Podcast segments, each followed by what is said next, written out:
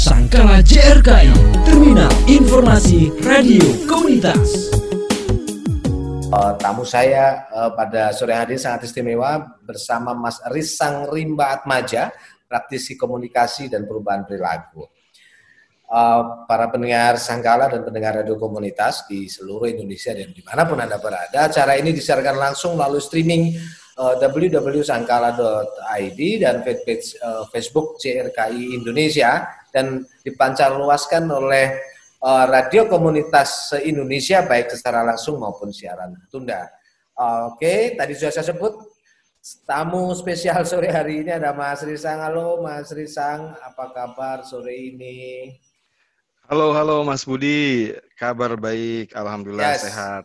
Uh, ya, di tengah situasi pandemik yang semakin anu ya, apa namanya agak memprihatinkan ini. Terima kasih banyak Mas Risang Mbak Atmaja sebelum kita ngobrol, Mas Risang lagi beraktivitas di mana nih? Keseharian Mas Risang di mana sih? Ini apa sebagai praktisi komunikasi nih? Keseharian saya melatih hmm. ini apa teman-teman relawan, teman-teman tenaga hmm. kesehatan, terutama yang, yang berkaitan dengan hmm. edukasi uh, perilaku pencegahan COVID uh, di berbagai tempat. Tapi saya melatihnya di rumah ya, hmm. work from home. Oke. Okay. Kayak tadi. Iya ya, work from home. Ya, ya mau ngomongin soal kesehatan kita juga harus anu ya memberikan contoh yang baik lah ya. Artinya oh, tidak perlu bepergian apabila sangat tidak oh, perlu untuk uh, bepergian gitu. Betul, baik betul. Mas Risang. Uh, sore hari ini dipancarluaskan oleh teman-teman dari komunitas di seluruh Indonesia maupun juga disiarkan langsung di di fanpage-nya JRKI yang nanti juga akan diupload di YouTube uh, channelnya Jaringan Radio Komunitas Indonesia. Uh, sore hari ini kita akan memperbincangkan uh, soal gimana hanya mau mengajak orang untuk patuh terhadap protokol apa uh, COVID-19. Tapi saya akan mulai dengan satu pertanyaan yang ini banyak dikeluhkan oleh kawan-kawan gitu. Uh, gimana sih mas caranya meyakinkan orang gitu bahwa COVID ini nyata gitu, bukan bu bukan seperti yang di apa di, di hoax gitu bahwa ini adalah konspirasi lah apalah apalah gitu. Gimana caranya Mas membuat orang uh, ya ini ini nyata. Covid ini nyata dan ini harus kita hadapi bersama-sama. Mas Isa. Ya, terima kasih Mas Budi. Memang uh, salah satu kendala ya, kendala dalam perubahan perilaku yang kita jumpai di lapangan ya itu yang tadi disampaikan oleh Mas Budi.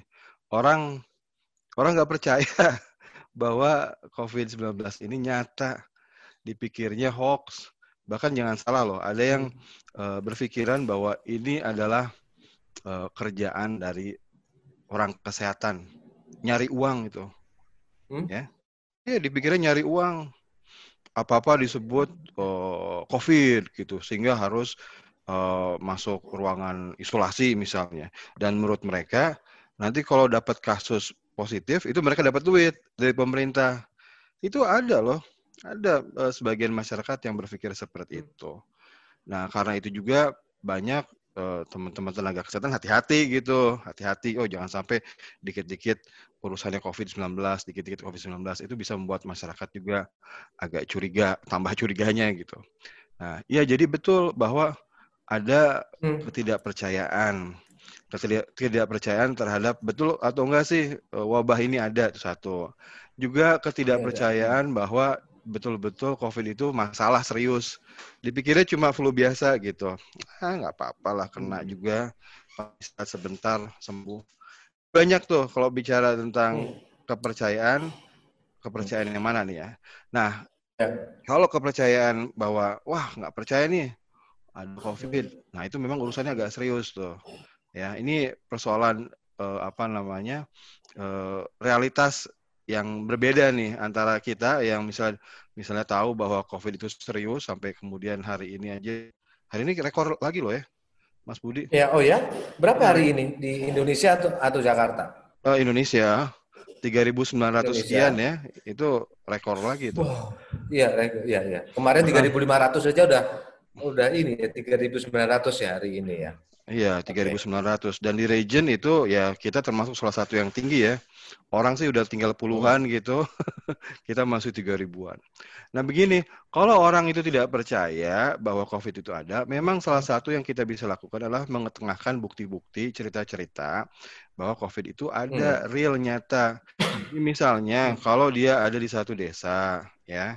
Lalu desa itu ada kasus, ya disebut saja, diceritakan kalau tidak ada di desa itu satu kasus, saya ceritakan di desa dekatnya yang ada kasus atau kecamatan yang ada kasus. Nah, sebetulnya untuk akhir-akhir ini ya, itu sudah banyak cerita-cerita. Kita harus pakai cerita ya, pakai kasus ya, ya, ya, ya. orang. Ya. Sudah okay, banyak cerita-cerita kasus-kasus uh, orang yang dikenal luas kena COVID dan meninggal hmm. gitu ya, yang sampai fatal seperti itu. Misalnya Jakarta ini baru-baru baru aja tadi pagi ya itu uh, Pak Sekdanya loh. Pak Sekda ya, loh. Dan, ya. ya. Pak Sekdanya meninggal. Itu juga sebetulnya satu kasus yang kita bisa ceritakan kepada orang ya. Cuma gini, Mas Budi, jangan jangan ya. berpikir orang itu memang benar-benar nggak tahu loh.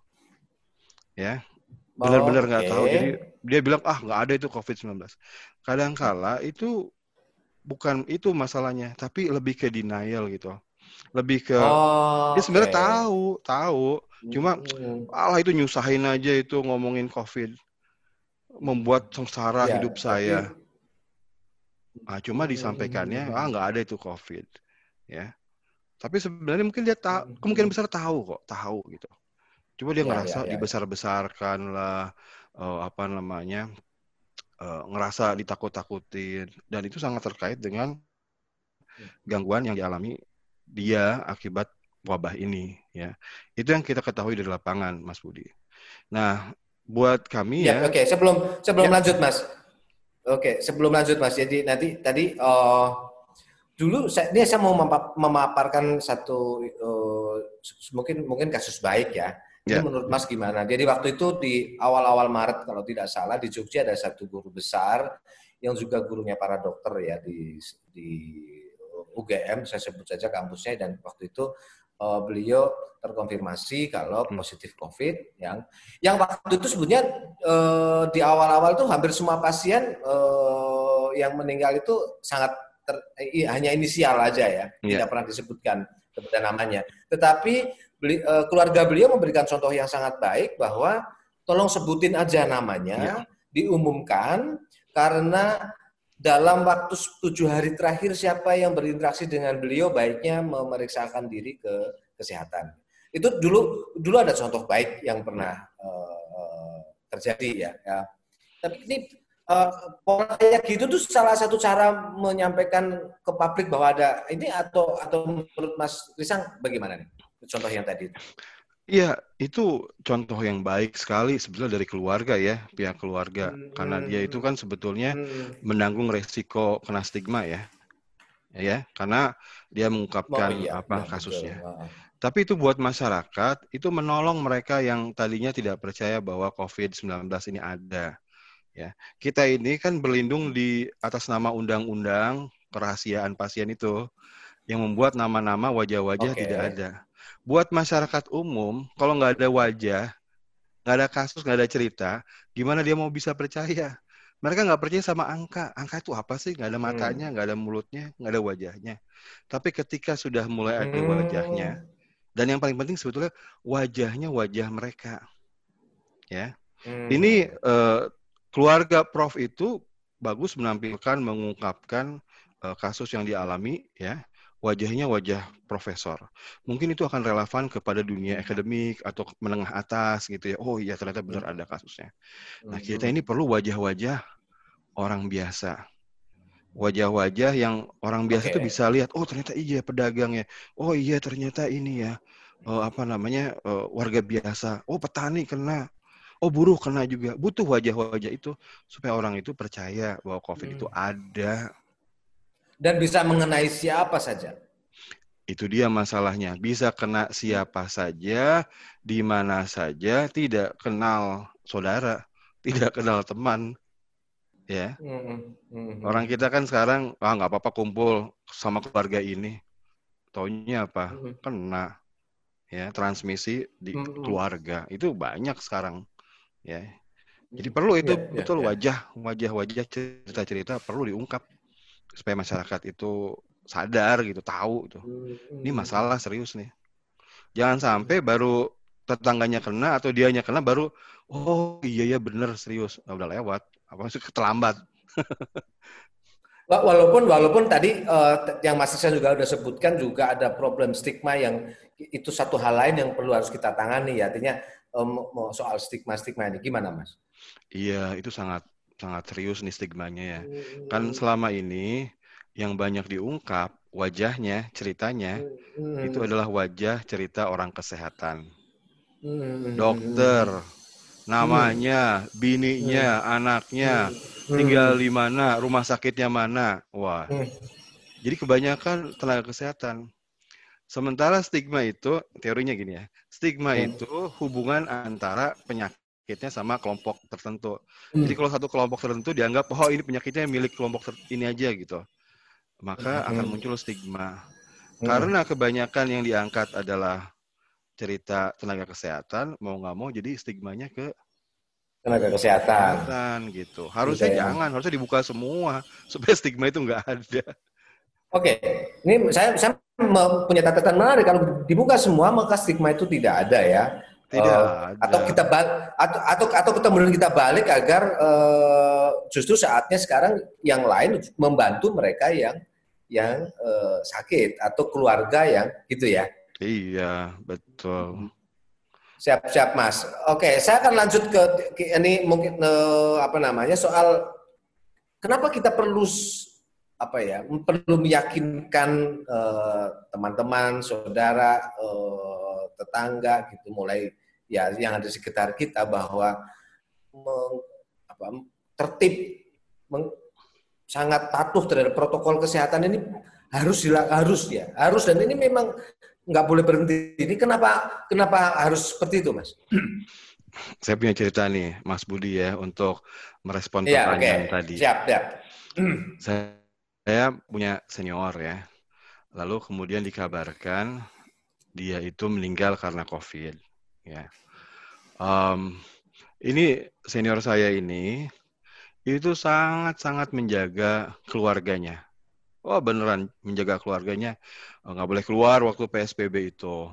Eh, apa namanya kecuali kebutuhan-kebutuhan esensial, dibilangnya gitu ya. Bahkan waktu itu diceritakan enggak enggak ke mana-mana pokoknya. Yang cari makan, yang beli makanan itu adalah ART-nya, asisten rumah tangga. Ya. Hmm. Tapi kemudian ternyata asisten rumah tangganya si mbaknya terpapar. Lalu kemudian si mbaknya itu memaparkan anggota keluarganya sampai kemudian senior saya terpapar dan kemudian meninggal. Apa artinya Adalah. itu? Artinya adalah ini virus karena sangat mudah menular, kita tuh nggak bisa di kalau main bola tuh kayak sistem Grendelnya Italia nggak? kan defensif Hmm. itu ya. Hmm. Sistem Grendel numpuk pemain, yuk kita jagain. Ini keluarga saya saya jagain. Gitu aja nggak bisa. Wah, Karena hmm. selalu ada celah-celah di sekitar kita di mana kita bang- buat interaksi yang membuat virus itu bisa loncat. Kita ke warung. Hmm. Kalau ibu warungnya nggak pakai masker, bisa menularkan ke kita. Kita Hmm. ke toko mana, juga Hmm. gitu. Kita ke pom bensin, tidak yang yang mbaknya atau masnya yang jaga pom bensin tidak pakai masker dan tidak menjaga jarak dengan kita. Resikonya ada. Jadi di sekitar kita tukang sayur, semua pun itu punya risiko membawa virus. Sehingga apa? Sehingga kita harus ofensif. Jangan Hmm. defensif, harus ofensif ke semua pihak di mana peluang celah untuk mengantar virus ke kita itu ada, harus kita tambal. Siapa aja di sekitar kita, pembantu rumah tangga, asisten rumah tangga, saudara kita, teman kita, eh, tukang sayur, punya warung, ya you name it lah, siapa-siapa yang kita bisa ketemu, itu harus. Kalau kita biarkan, misalnya gini, ah tukang sayur nggak apa, nggak usah kita bilangin, kesian deh. Kesian dia kalau misalnya apa namanya disuruh pakai masker, oh nggak enak ah kita Hmm. nggak negur ibu-ibu yang di tukang sayur, eh, apa namanya eh, malu gitu Hmm. misalnya. Tapi kemudian Hmm. anggota keluarga kita datang ke sana, belanja, Hmm. pegang-pegang barang, Hmm. Hmm. terus masukin virusnya ke mata, hidung, mulut, tertular, Hmm. OTG, bawa masuk ke rumah, kena kita. Jadi total football artinya ya semua lini anggota keluarga kita harus menyerang gitu, menyerang apa maksudnya? Jangan kasih sela, jangan kasih kendor, jangan kasih sela, virus itu bisa masuk. Ya, jadi kalau buat saya, kenapa kita harus meyakinkan orang? Pertama itu semua orang itu bisa jadi Hmm. pengantar virus tanpa disadari, dan kita tuh harus meyakinkan semua orang untuk berbuat sama juga ofensif. Ya, tukang sayur juga harus. Mas, Mas, saya, saya, ya saya su- punya pertanyaan. Eh, apa namanya? Eh, itu tadi ya, ofensif di keluarga, termasuk ke tukang sayur. Nanti belakangan ini kan kita udah mulai agak terbuka nih. Misalnya di kampung saya sudah ada kenduren, sudah ada macam-macam.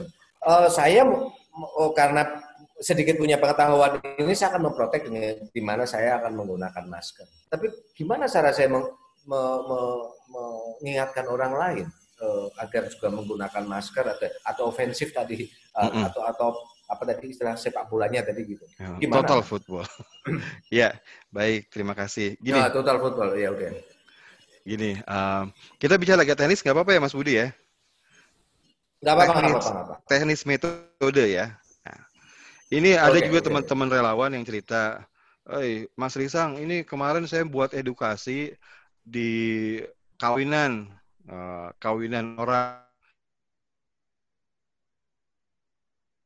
Eh, banyak yang datang nggak pakai masker. Di dalam nggak jaga jarak. Saya capek deh.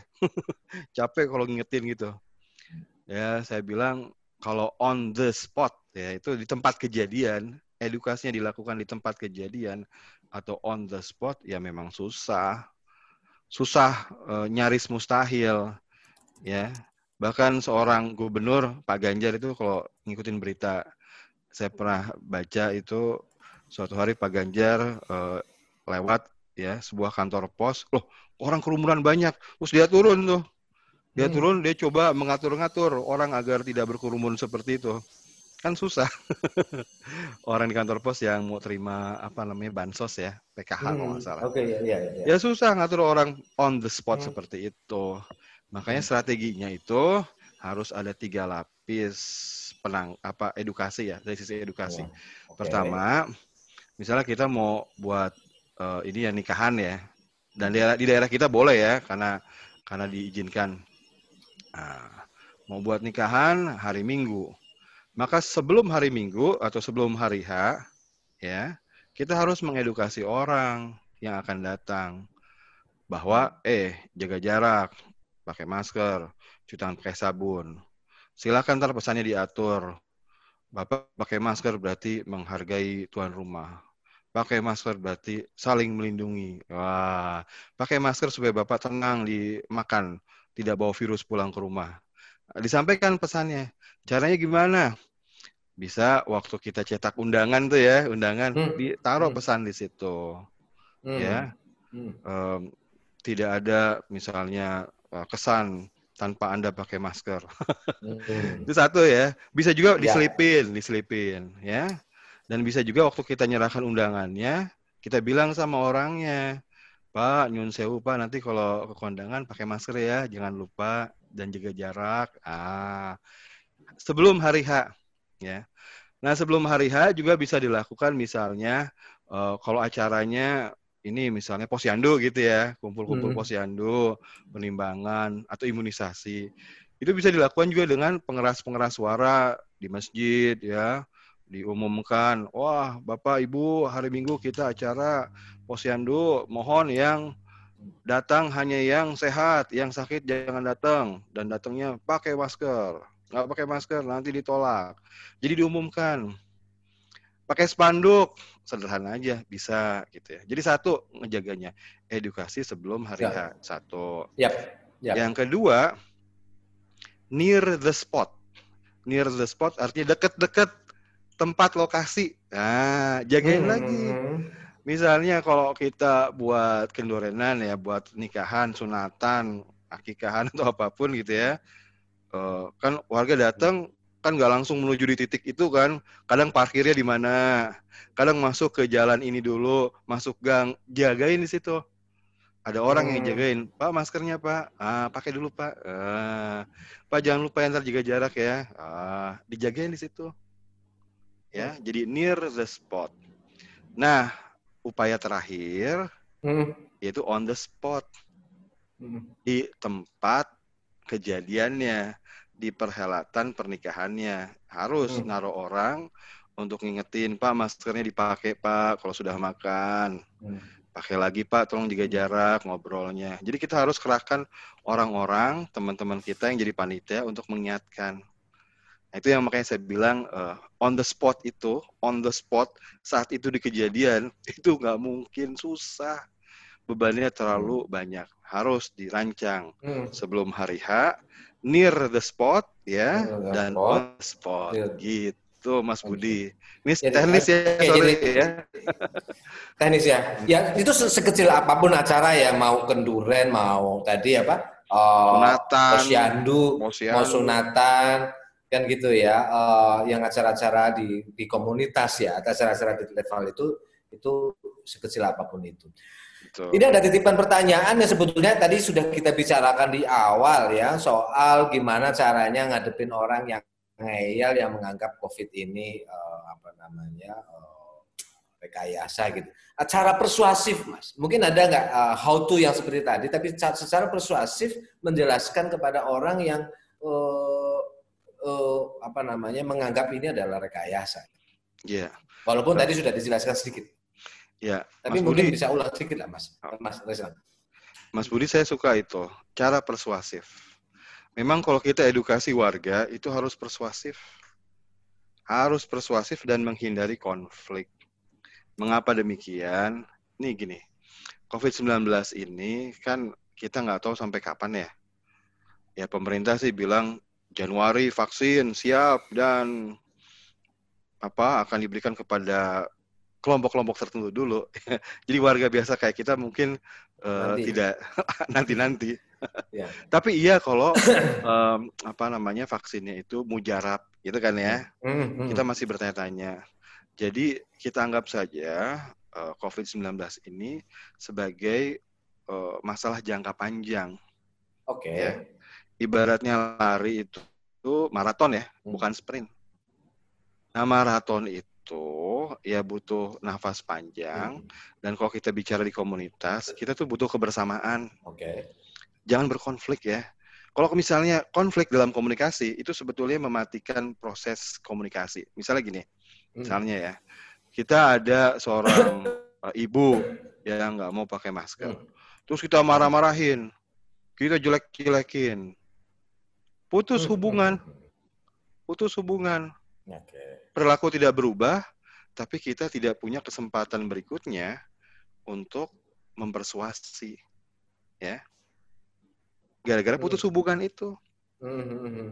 Ini ada cerita satu relawan nih, relawan Boleh, dari boleh. Ormas Keagamaan ya Mas Budi saya cerita. Boleh, boleh, boleh. Eh, dari eh, teman muslimat NU. Hmm. Hmm. Dalam pelatihan dia cerita, Mas Risang kemarin saya coba itu berkomunikasi sama pedagang. Oh, Hmm. Itu pakaiannya kan muslimat NU kan ya ibu-ibu pengajian ya. Waktu dia ngajak ngobrol tentang eh, COVID-19, mencoba mempersuasi, Hmm. itu para pedagang itu Hmm. nanya, Ibu ini agamanya sebenarnya apa sih? Nah loh, agamanya apa sih? Ya itu sebenarnya bukan pertanyaan ya, itu sindiran gitu. Kenapa ngomongin COVID-19? Kenapa? Kok nggak percaya sama Tuhan? Nah, itu di Jakarta loh ya, jangan salah loh. Itu para pedagang yang ngomong itu di Jakarta. Nah, Hmm. dia kalau mau marah, marah bisa, kesal. Oh dihina gitu, agamanya apa? Kurang ajar. Tapi dia tidak marah. Dia bercandain. Hmm.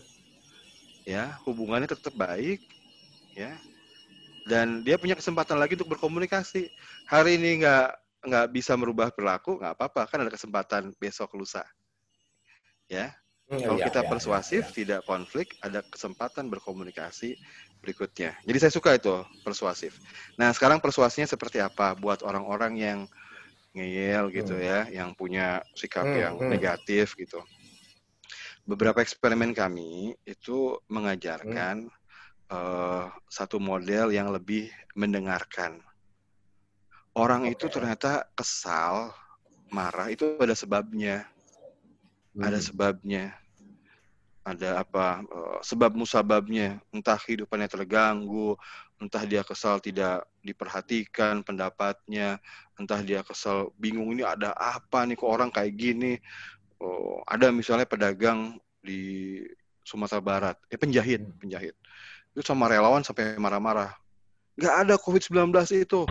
Ya, mana bawa sini? Kalau ada COVID-19 saya bayarin deh COVID-19 ya. Itu adalah penjahit yang biasanya dapat orderan 4, 5 potong sebulan. Sekarang itu dalam dua bulan terakhir nggak dapat. Coba bayangkan gitu.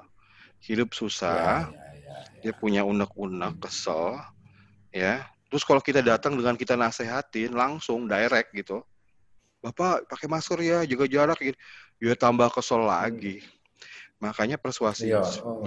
harus mendengarkan maksudnya itu mendengarkan itu hmm, apa? okay. biarkan dia cerita dulu. Kalau dia bilang hmm, okay, misalnya okay. misalnya dia bilang apa saya nggak takut covid. Mana covid? Oh bapak beneran nggak takut pak? Kok bisa nggak takut? Coba cerita dong pak. Biar dia ngomong cerita. Okay. ya kita dengarkan. Hmm. ya bahkan kalau perlu kalau perlu ya kita apresiasi atas hal-hal yang baik pada dirinya misalnya dia mengaku saya udah dapat hmm. informasi dari banyak hal kok ternyata covid itu bohong covid itu tidak apa-apa kalau kena tubuh apresiasi wah bapak ternyata oh, ini ya apa namanya aktif ya mencari informasi jadi apa namanya rajin pak nyari informasinya. Hmm. Sikapnya salah nggak usah disebut, nyari tapi nyari informasinya bagus diangkat. Ini kita lakukan dalam rangka apa? Okay. Dalam rangka agar dia juga mau mendengarkan saran kita. Jadi tektok gitu rumusnya. Supaya dia mau mendengarkan, hmm. ya kita juga harus mendengarkan dulu. Ya, kita dengerin dulu ceritanya dia. Ya. Ujung-ujungnya kebanyakan hidup susah kok. Dengerin dulu gitu apa eh, apa hmm. yang menjadi persoalan dia, pemikiran dia, kekhawatiran dia, ketakutan dia. Setelah kita mendengarkan, kita bisa apresiasi. Ketika kita memberi saran, itu jauh lebih uh, terbuka orangnya, ya, kebuka okay. orangnya mau ya. menerima. Itu aja dulu. Ya, ya. Gitu. Jadi ini uh, nanti kita lanjut. Jadi ini kita dengerin dulu sebetulnya di bagian dari kita membangun empati ya orang menjadi lebih apa ya nggak empati langsung nolak dulu ya oh, oh, empati dulu ya. Iya. Oh baru baru kita kemudian masuk pelan pelan. Berarti kuncinya adalah di soal persuasif. Mas Risang. Jadi ini uh, uh, diskusi kita ini kan bersama teman-teman dari komunitas yang juga akan me, namanya menyiarkan ulang atau mereka uh, akan terlibat untuk bisa membantu mengedukasi masyarakat melalui media uh, mereka. Kalau yang kita diskusikan di awal ini kan langsung nih komunikasi langsung karena kita ketemu. Sekarang kalau menggunakan menggunakan media seperti ini, menggunakan radio, menggunakan media kayak gini lah yang mudah nanti dipublish. Gimana caranya, Mas? Uh, strategi komunikasinya biar biar nyampe dan orang mengiyakan gitu sekaligus kemudian ada perubahan di perilakunya. Ya. Dipancarkan dari kantor berita berjaringan Radio Komunitas Indonesia. Sangkala JRKI. Sangkala JRKI. Terminal Informasi Radio Komunitas.